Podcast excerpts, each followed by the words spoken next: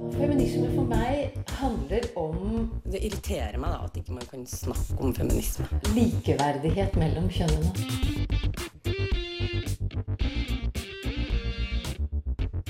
Det blikket på kvinnen på film. Det handlet om å bli tatt på alvor som jente. Du hører på Kvinnesaken på Radio Nova. Det er nesten ingen andre land i verden som ser mer på porno enn det vi nordmenn gjør. Men samtidig er det nesten ingen som vet hva den norske pornobransjen holder på med. I Kvinnedag, Kvinnesaken i dag får vi besøk av Nils Ellie, som skal fortelle oss litt om akkurat dette. I tillegg får vi svar på hva som kan skje om pornografiske bilder av deg blir spredd på nettet, og hva feministisk porno egentlig er.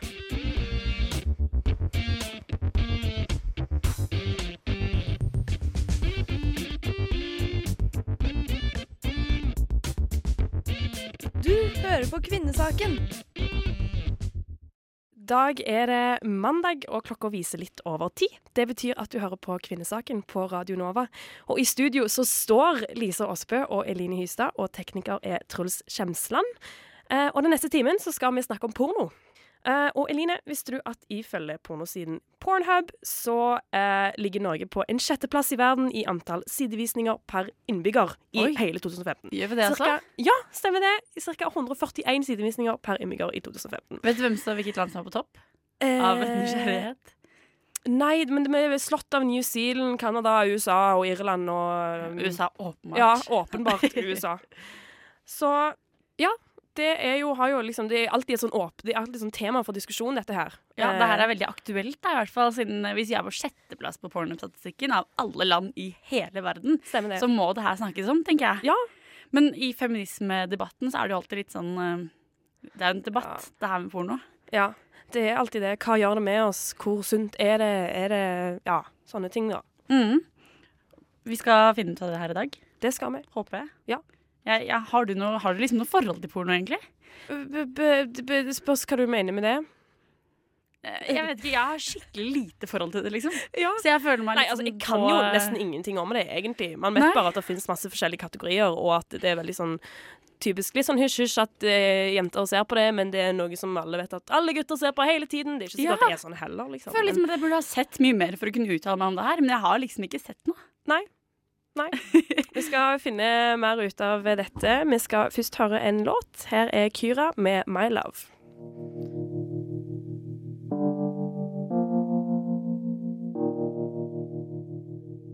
Det var Kyra med My Love, og i Kvinnesaken i dag snakker vi om porno.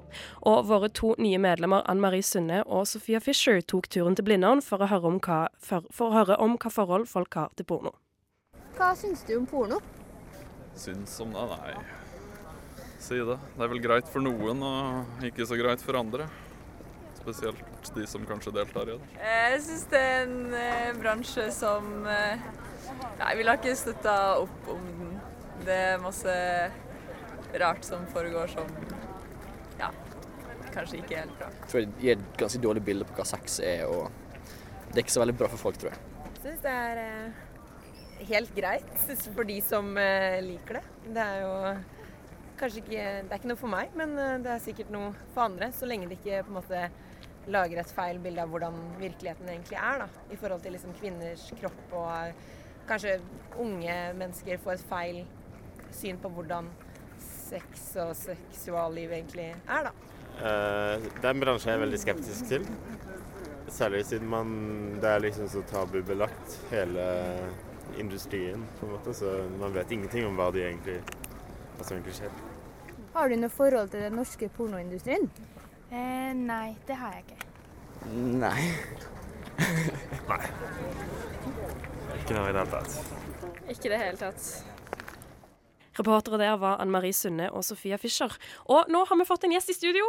Velkommen til deg, Nils Ally. Tusen takk. Ja, du er daglig leder for Sexhibition og har over 25 års erfaring i den norske pornobransjen. Men er det både nordiske, eller er det pornobransjen Ja, altså, den erotiske bransjen blir vel riktigere, for at det, Sexhibition den dekker jo alt. Ja. Det, det er ikke mye vi ikke er uh, innom. Ja. Så, OK. Men som vi hørte, nå hørte vi et klipp av at folk generelt har veldig lite kjennskap til den norske pornobransjen, den norske erotiske bransjen. Hva er egentlig Er det en norsk pornobransje i det hele tatt, eller fins den? Eller en Altså, i, i, I undersøkelser på den måten her, så er det slik at eh, folk veldig ofte eh, snakker ut ifra hvordan de selv har lyst til å fremstille seg selv. Det er ikke alltid at det reflekterer uh, sannheten. For at disse guttene f.eks. når de kommer hjem, så er det slik at uh, en eller annen gang så kommer de nok til å tømme nøttene sine på lik linje som alle andre. På samme måten når man intervjuer jenter eh, og spør de hva slags mannfolk de vil ha, så er det veldig ofte liksom helt standard mannfolk, eh, ikke så trent og bla, bla, bla. Men når de skal leie en mannlig stripper f.eks., da skal de ha sixpack og musklene og biceps ut av en annen verden og alle de eh, greiene der. Så når, når sannheten eh, faktisk skal vise seg, så er det en annen eh, virkelighet som, eh, som bryter igjennom. Men den norske pornobransjen. Altså Jeg kan nevne det at uh, sist gang uh, det var en norsk pornofilm offisielt laget, det var i 2007. Så det er ikke noe sånn uh, ordentlig bransje i den forstand. det som pågår spesielt etter at internett kom, så er det mest hjemmelaget moro. Så ja, det er på det nivået det er. Så det altså, de siste årene så har det bare vært egentlig én film, sånn produksjon, som man vet om, da. Bortsett fra de hjemmelaga greiene. Altså hjemmelaget uh, greiene. Altså disse her uh, mobile pornoenhetene. Altså det ble laget uh, ja, altså zillioner filmer på de. Men før internetten kom, da var det mye mer hippighet i norske pornofilmer. For da hadde man også en distribusjonskanal i form av DVD-er og slike ting. Men straks der er en internett, hva er vitsen å dra for å kjøpe en DVD når man kan laste det ned fra liksom Pirate Bay eller eh, Kickass og, og sånne greier? Da er man i hvert fall skjult og slipper uh, eventuelt uh, demonstranter. På, ja. og ja. Man, man, slipper den type ting. Man kan være så kinky man bare vil uten at noen veit det. Ja. Forhåpentligvis. Men er det, noe, er det, noe, som har skjedd i liksom hele verden? At bransjen egentlig ikke eksisterer eh, lenger? Den eksisterer, men den er i langt mindre omfang eh, nå enn eh, noen gang. Og det, det, er jo en direkte konsekvens av internetten. Det ser man også i vanlig filmindustri. Før i tiden så hadde du svære butikker som handlet bare med VHS eller DVD-filmer. I dag, hvor er de? De er ikke eksisterende lenger. Du skaffer en DVD på en bensinstasjon hvis man gidder å kjøpe en DVD i det hele tatt. De fleste har Go eller et eller annet eh, sånn type greie. Eller Popcorn Time var det det, det heter. Altså det, det, er så mange kjappe, lette alternativer i dag framfor det å stikke til en butikk. Og, altså Man velger den letteste løsning. Mm. Så, og da blir det internett. Eh, tidligere, når folk faktisk gikk i butikken for å kjøpe sånne filmer, så var det jo filmer de kjøpte. To timers lange filmer. Og da lurte vi litt på hva er egentlig greia med så sykt lange filmer, liksom? Vi, det, det, er sånn kvalitetsordinering, det der. Det, Nei da. Det, det, er litt slik at uh, hvis man skal først kjøpe en film som uh, koster kanskje liksom flere hundre kroner, ja. så ønsker man å ha litt uh, valuta for pengene. Men det blir til syvende og sist det at man skipper igjennom alle disse her eh, dramabitene. Og så hopper over til de der eh, payshots, ja. eh, som varer kanskje liksom 20 minutter. Så ja, selve handlingen i disse totimers filmene, det, det, er veldig lite. Ja, ikke sant. Men er det sånn at eh, folk kjøper filmer i dag, eller er det, liksom, er det noe statistikk på liksom det her? At folk går skaffe seg filmer, eller er det bare rett inn på Pornhub, liksom? Det er rett inn på Pornhub. Ja, det, er, det er ikke mange altså det, er jo selvfølgelig salg på, på filmene òg, ja. men det er så, så, usynlig nå. Og det ser man også i disse her butikkene rundt omkring. Altså på, på 90-tallet så var det vel 12-15 ulike eh, pornosjapper i Oslo. Selv om det var ulovlig den tiden der. Men i dag, når det er lov, så finnes det nesten ikke. Nei. Men det var ja. Betyr det at det er mer sånn fri, fri flyt også? At det er ikke liksom et marked som er eh, dominert av eh, regler, holdt på å si, men, men eh, mye mer det som skjer, definerer hva pornobransjen er, da? Ja, ja. Altså På, på 90-tallet, når det var uh, forbudt, da var det slik at uh, det var en uh, hyppig pornoproduksjon. og selv om det var det ulovlig, så var det slik at Eller, eller produksjon var det ikke ulovlig. Problemet var distribusjonen. Du hadde ikke lov å få det ut og selge det og alt, alt dette her, men det var en, en hyppig produksjon. Men straks internetten kom, smukk, så var det omtrent eh, ja, dinosaurusverden. Vi skal fortsette å prate litt om porno etter vi har hørt eh, litt musikk. Her er B-Boys med Get a Grip.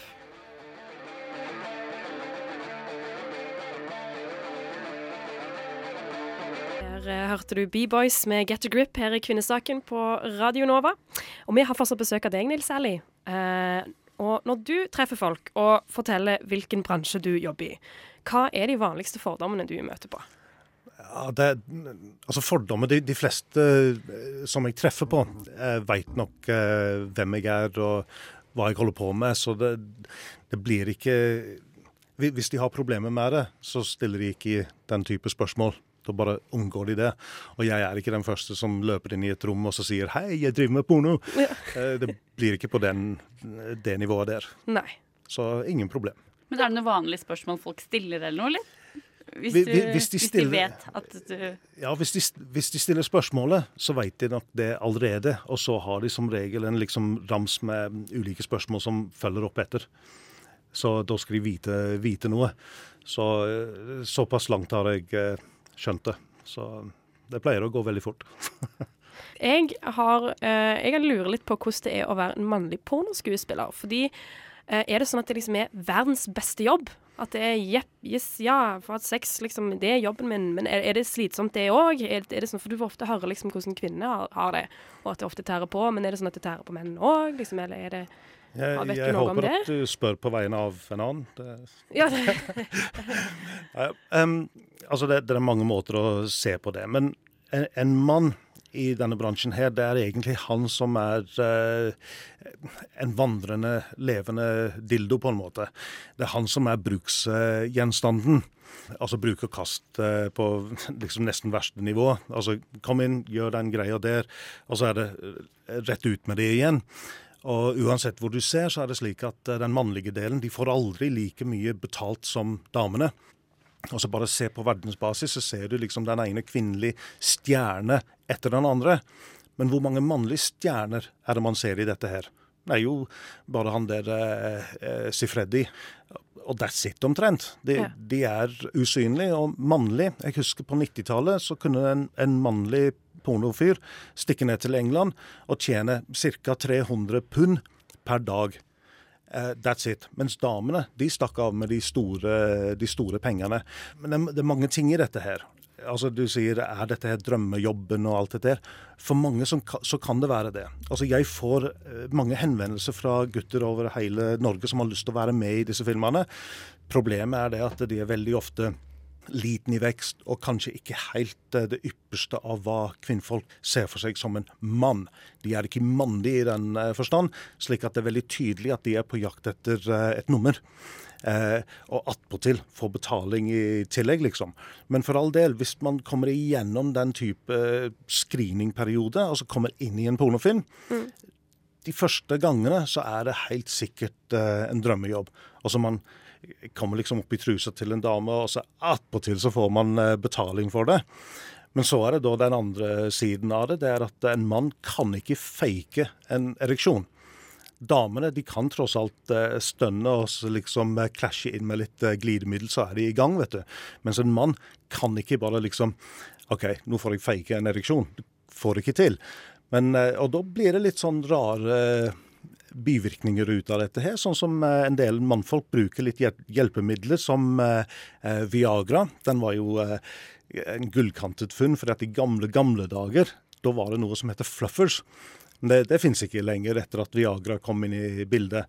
Men så er det da at enkelte av disse gutta de får litt sånn prestasjonsangst allikevel, og så supplerer de litt med amfetamin f.eks. Eh, og dette kan gå utrolig morsomt for seg, fordi at eh, bruker du litt for mye av det, så får du noe som heter eh, pepperpick. Altså at eh, ereksjonen liksom blir eh, døv på en måte. Og det å prøve å oppnå klimaksen, det er eh, helt umulig. Ja. Så, og det, det, blir en del komiske eh, situasjoner ut av det. Så ja. Det, Men så er det det der klimaksgreiene, da. Hvorfor er den der sædeejakuleringa så sinnssykt viktig? Ja, jeg, jeg mistenker at man må nesten være en mann for, for å forstå det. Men altså i porno, liksom. For det, jeg har hørt om det der det shotet der, at hvis du ikke klarer det, så må du få inn en annen mann, liksom, som kan gjøre det, liksom. Og så mister du sånn halvparten av pengene dine. Ja, men det, det blir liksom the payshot. Det, Ja. den, er litt, eh, den er litt kritisk. Det er som, eh, som uh, the prick over the eye. Det, det er uh, finalen. Ja. Altså, I andre filmer så må du også ha en finale hvor skurken blir drept og eh, James Wan stikker av inn i liksom, eh, en eller annen ubåt med, med dama. Ja. Altså, Du må ha en avslutning på, på dette her. og Det, det er ingen gutter for eksempel, som stikker av på badet for å runke, og dermed kutter av midt i eh, episoden. Ja. Han, altså, han kan jo gjøre det, selvfølgelig, men normalen er at man fullfører. Ja. Og disse filmene må jo også fullføre. Men så er det det, hvorfor kan det liksom ikke fullføres med en kvinnelig orgasme? Er det liksom Jo, de, de gjør jo det. Ja. De gjør jo det. Det er mange som, eh, som gjør det. Men det, det er som regel kvinne Hvis det er en, en jente eller en dame som onanerer, f.eks. Når hun oppnår klimaksen, så er det ferdig. Det er akkurat det samme. Tusen takk for at du ville komme på besøk til oss i Kvinnesaken, Nils Erli. Ja. Eh, nå skal vi høre på litt psykedelisk syntpop. Her er Samu med In My Head. My, my point is, feminism is not about being better than men. Is it? Kvinnesaken prøver å finne ut hvor mye forskjellig feminisme faktisk kan være. Hver mandag fra 10 til 11.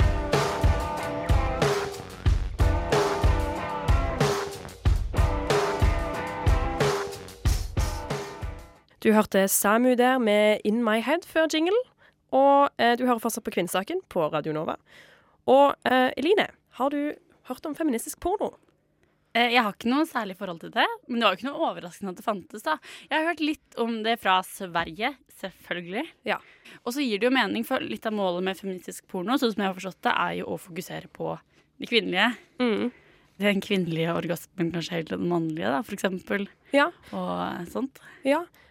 Ja, fordi at um, altså, det er jo mange som mener at ja, porno er veldig sånn der Det objektiviserer kvinner veldig, og at det, at det dreier seg altså, Selv om det er, gjerne er kvinnen som er stjernen i dette, så er det på en måte ikke sånn at hun er på en måte subjektet. Da. Det er ikke hun som hun bare ligger der og bare tar imot, liksom. Jeg har faktisk tenkt på det, fordi det her tror jeg kanskje begynner å bli litt mainstream også.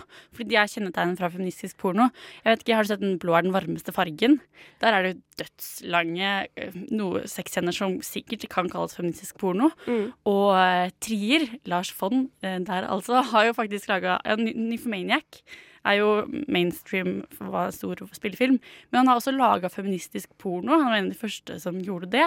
Og så er det den der Gaspar Noé sin Love, som er veldig stor på kino nå også.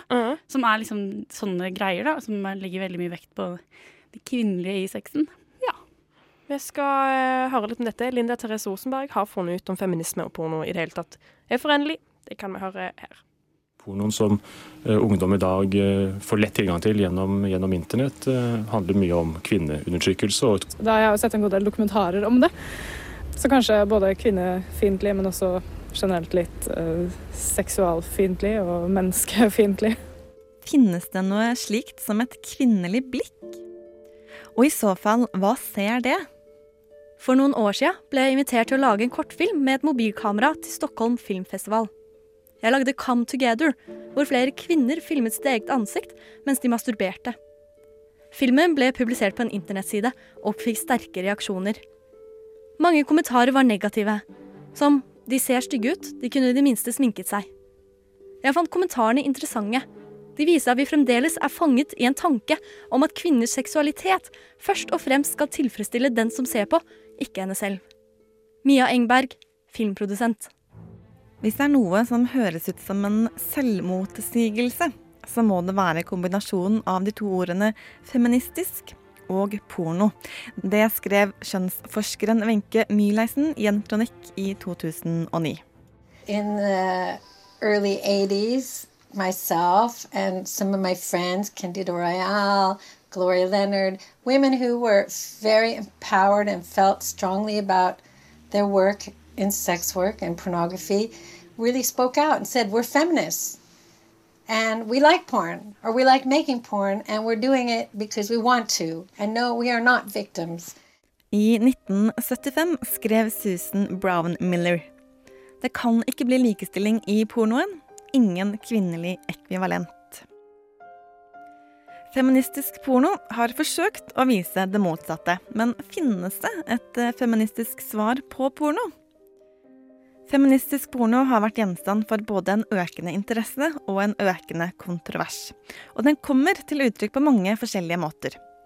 Felles er at den bruker kroppen som et politisk verktøy, og forsøker å skape et alternativ til den kommersielle pornoen.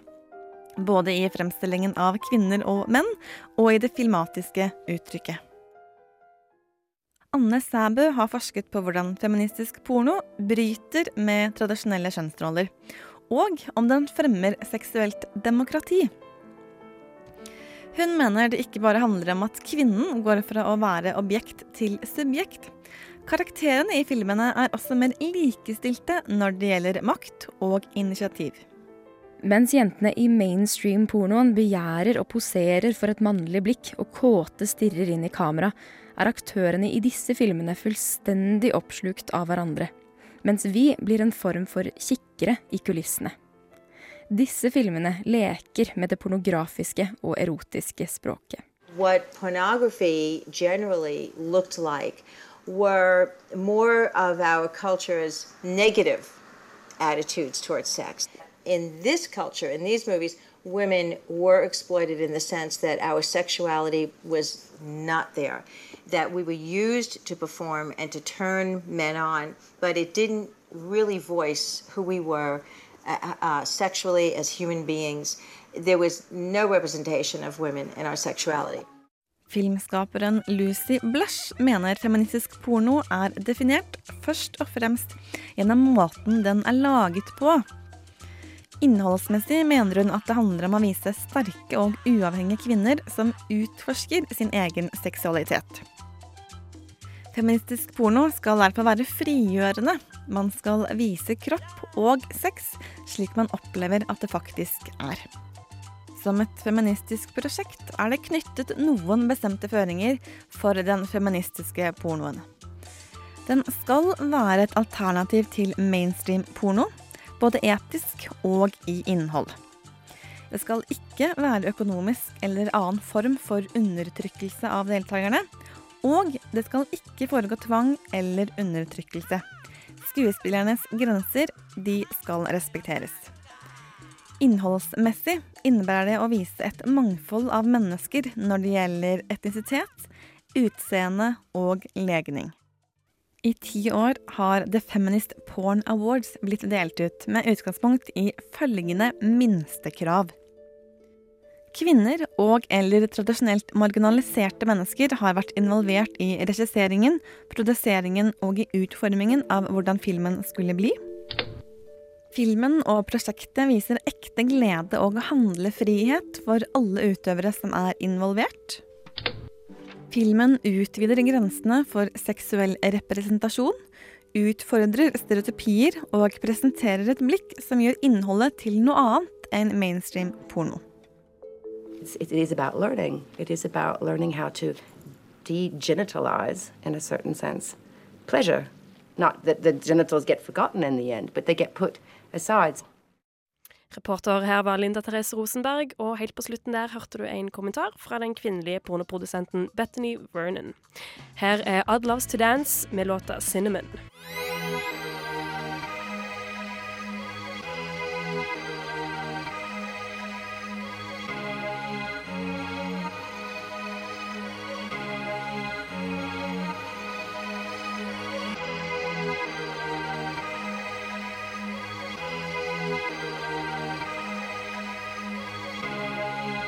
Siden 1982 har Radio Nova gitt deg favorittmusikken din, før du visste at du likte den.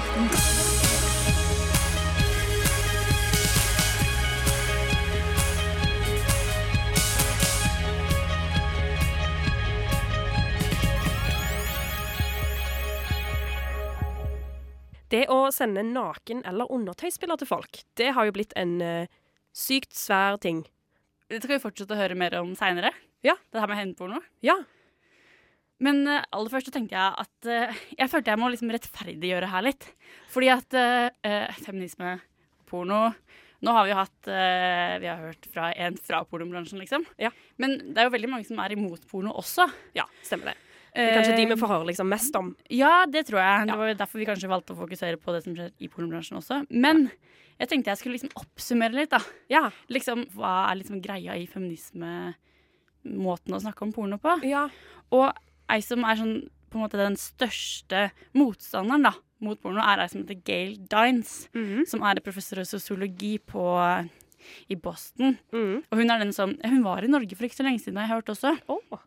Liksom er den man mest refererer til når man skal eh, snakke mot porno. Og hun mener at eh, porno gjør menn voldelige, blant annet, og at de får en sånn ødeleggelse da, i seksuell identitet når man begynner å se på porno når man er ni, liksom. Ja, blir veldig sånn asosiale. Ja, det er sånne ting jeg er bekymra for. Ja. Og syns også at kvinner fanges i for smale kjønnsroller, og at den moderne femininiteten Nå hører man veldig godt at det her ikke er noe jeg har funnet på, men hun sier blir hyperseksualisert. Altså det her med at de er veldig unge, tynne, har ingenting hårvekst, eh, Mm. gjerne er operert. At den blir veldig sånn eh, stereotypisert. Og hun syns også at eh, pornobransjen, pornobransjen stadig blir råere.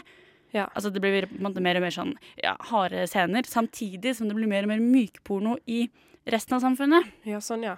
I reklame og sånt, ikke sant? Mm, alt blir mer seksualisert. Alt blir mer porno, liksom. Ja, ikke sant? og så har hun blitt kritisert for å sette i gang en sånn slags moralsk panikk av andre feminister. At hun på en måte bare er sånn ah, 'Vi må slutte med all porno! Hjelp, hjelp, hjelp! Slutt! Alt er dumt!' på en måte. Og ei av de som, eh, som er for porno, er jo hun som heter Heidi Helene Sveen. Hun er pedagog, og hun har skrevet en masteroppgave om eh, ungdommers pornobruk. Og hun mener at hvis man driver og ser på porno som sånn ekstremt fiendtlig, så bare fører det til mer skam og gjør det mer hemmelig. Sånn at eh, man bør heller snakke mer om porno, sånn at det ikke bare blir et sånn tabu. Og eh, at uh, hun sier at pornosamtalen bør dreie seg vekk fra enten-eller-fokus, altså skal man ha porno eller ikke ha porno, og over på temaer som privat uh, mot offentlig, frihet mot tvang, lyst mot ulyst, godt mot vondt. At man må ha en mer nyansert debatt og snakke mer om det, istedenfor å holde det hemmelig og tabu. Og det som er så kult, da, helt avslutningsvis her, er at forskning finnes både på at porno altså Når det gjelder påvirkningskraft, da, så er det både forskning som viser at det ikke er farlig, og at det er farlig. Så det blir liksom en veldig sånn uavslutta debatt, da. Ja, sånn, hva, skal jeg egentlig, hva standpunkt skal jeg egentlig ta? Hva, altså, hva skal man tro på, liksom? Ja. Vi skal høre litt musikk. Eh, Her er Foxygen med How Can You Really.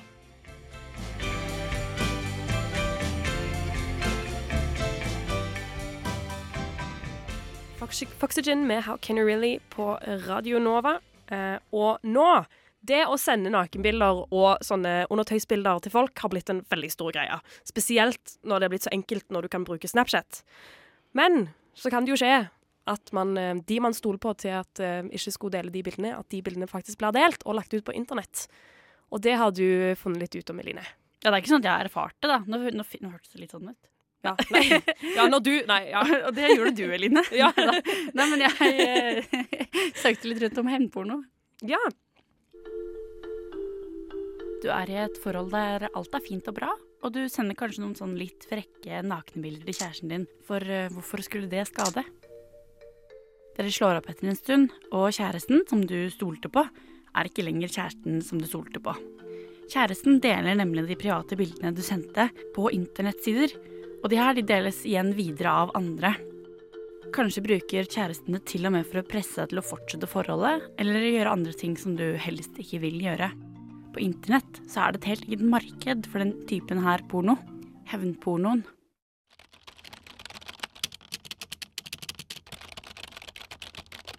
Hevnporno fikk mye internasjonal medieoppmerksomhet i 2010, da nettstedet Is Anyone Up ble lansert. Is Anyone Up baserte seg på brukerinnsendt porno, og da først og fremst hevnporno både i form av hacka bilder og også bilder delt uten godkjennelse fra personen på bildet. En kunne se personen med klær på, som et helt vanlig Facebook-profilbilde, og så ved siden av et bilde av f.eks. personens kjønnsorganer. Og gjerne så var det også detaljert informasjon om personen som var avbilda, som navn, adresse og lenke til internettprofil. Som resultat av en rekke anmeldelser og aktivisme, så ble heldigvis eh, Is Anyone Up nedlagt i 2012. Og i 2014 så ble Hunter Moore, som sto bak siden, arrestert av FBI for bl.a. identitetstyveri og ulovlig bruk av beskytta filer.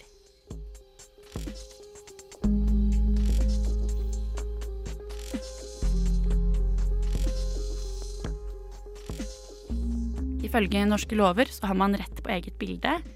Det er ulovlig å dele andres personvernsopplysninger uten samtykke, og det er også ulovlig å bedrive utpressing. Man har også skadeerstatningsloven, som sier at det er ulovlig å krenke en annens ære eller privatlivets fred, og denne loven kan også brukes i en hevnpornosituasjon. Vi har altså ikke noen spesifikk lovgivning rundt eh, hevnporno i Norge, men det har en rekke andre land. Første land ut her var Israel, og Japan, Frankrike, Tyskland, Australia og Canada, for å nevne noen, har også en sånn spesifikk lovgivning.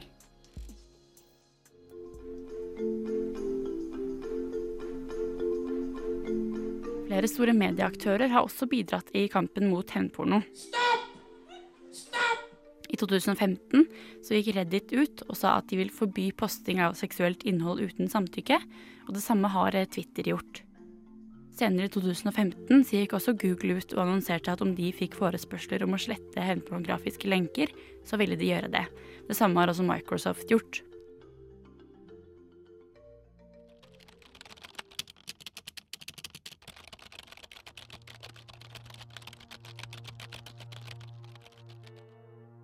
Hans Marius Tessem fra nettstedet slettmeg.no forklarer at eh, til tross for at det finnes en hovedregel om å ikke gi fra seg nakenbilder, så er det viktig å understreke at det er ikke de som har gitt fra seg nakenbildet som har gjort noe ulovlig. Det er den som deler det videre, som gjør noe galt. Og med et sånt fokus på at den som deler det videre, gjør noe galt, så kan man også bryte mange tabuer. For mange ofre for hevnporno skammer seg, og det er veldig viktig at de som skammer seg, forstår at det ikke er de som har gjort noe feil.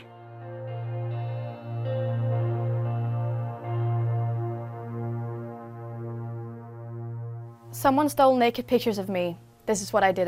Ei som har vært med på å bryte de tabuene rundt hevnporno, det er den danske litteraturviteren Emma Holten. I 2010 så ble bilder av henne og masse personlige opplysninger om henne delt på internett. Hun bestemte seg for at i stedet for å la skammen og ydmykheten og kommentarene fra menn få lov til å ta over, så ville hun heller ta et oppgjør med det store problemet med seksuelle handlinger som mangler godkjennelse. The issue of hacked photos is part of a larger problem with our relationship to consent. Creep shots on public transport, catcalling on the street, the shocking rates of assault on US college campuses. None of these women agree to a sexual situation. But again, to many others, this is part of the allure. The more I understood how these things were related, the angrier I became. And I felt that my silence implied that I should be ashamed. Derfor så tok hun kontakt med en fotograf og bestemte seg for at i stedet for å være objekt uten kontroll over bildene som ble delt av hennes nakne kropp, så ville hun heller være subjektet og ta kontroll over kroppen sin selv. Hun tok en helt ny bildeserie med nakenbilder som hun hadde godkjent, som hun hadde kontroll over, og som hun hadde valgt å publisere selv. Consent is key. I did this. Just as rape and sex have nothing to do with each other, pictures shared with and without this consent are completely different things. Det var Eline Hystad om hevnporno, og lydklippene på slutten der var Emma Holten sjøl, som prater fra The Guardian sine nettsider. Tuneyards med Water Fountain får du her. Tenk på da vi gikk i demonstrasjonstog, og Ingrid på seks år gikk med plakat hvor det sto 'Jeg vil bli statsminister'. Og alle mennesker lo langs ruta for at en jente skulle kunne bli statsminister. Du hører på Kvinnesaken på Radio Nova. Det ser ut som at vi nærmer oss slutten. Men hvis du akkurat tuner inn og tenker 'nei, å, shit, det kom for seint', hvordan skal jeg få med meg dette igjen, så fortvil ikke. Denne sendingen blir lagt ut på Soundcloud og på iTunes. Og hvis du ikke vil være for sein igjen, så kan du eh, like oss på Facebook og følge oss på Instagram. For da får du oppdateringer om, eh, om når vi har sending, og hva som skjer ellers. Eh, og nå skal det snart skje noe kult her. Nå nærmer det seg 8. mars. Da skal jo vi selvfølgelig òg Da girer vi opp. Da Ja. våkner vi. Ja. vi skal, ja, eh, neste uke så skal du ikke være så 8. mars-aktiv. Neste uke så skal vi snakke om det her med jobber. Mm. Og arbeidsplasser, og liksom eh, kvinner i mannsyrker og yrker Nei, menn i kvinneyrker. Så, vi skal snakke om brann, barnehagekvinner og barnehageonkler, kan man Ja. kanskje si. Og jeg anbefaler alle å sjekke ut emojisene sine på mobilen. Ja. I forbindelse med det, For jeg har hørt rykter om at det er ganske stereotypiske yrkesfordelinger innen mann og kvinner. Ja, når man, når man, hvis man tenker seg om og faktisk Mm. ser. Ja. Sjekk ut det. Og så må vi i hvert fall reklamere litt for det her 8. mars-opplegget. Fordi 3. mars så skal vi ut av radiostudiene våre. Ja. Det er ikke ofte vi driver med. Det er veldig trygt og hyggelig her oppe på Chateauneuf, nemlig. Eh, og vi skal ha en livesending på biblioteket på Studentersamfunnet. Altså her på huset? Vi Ja. bare flytter oss noen etasjer? Vi flytter oss noen etasjer og ser folk eh, klokka sju. Og da skal vi snakke om 8. mars og kvinnedagen, og hva kvinnedagen egentlig er i dag. Og det kommer en Facebook-event på det også etter hvert, så da kommer gjester og alt mulig etter hvert. Ja. Det hadde vært sykt hyggelig hvis noen kom og så på. Så det blir det sånn. ja. Håper du har lyst til å komme og se på det. Eh, Lise Aasbø og Eline Hystad har vært i studio i dag. Og Linda Therese Rosenberg, Anne Marie Sunne og Sofia Fischer har òg bidratt til denne sendingen. Eh, tekniker har vært eh, Tekniker-Truls. Og ja, da takker vi vel egentlig bare for oss. Her er Sophie Tucker med sangen 'Matadora'.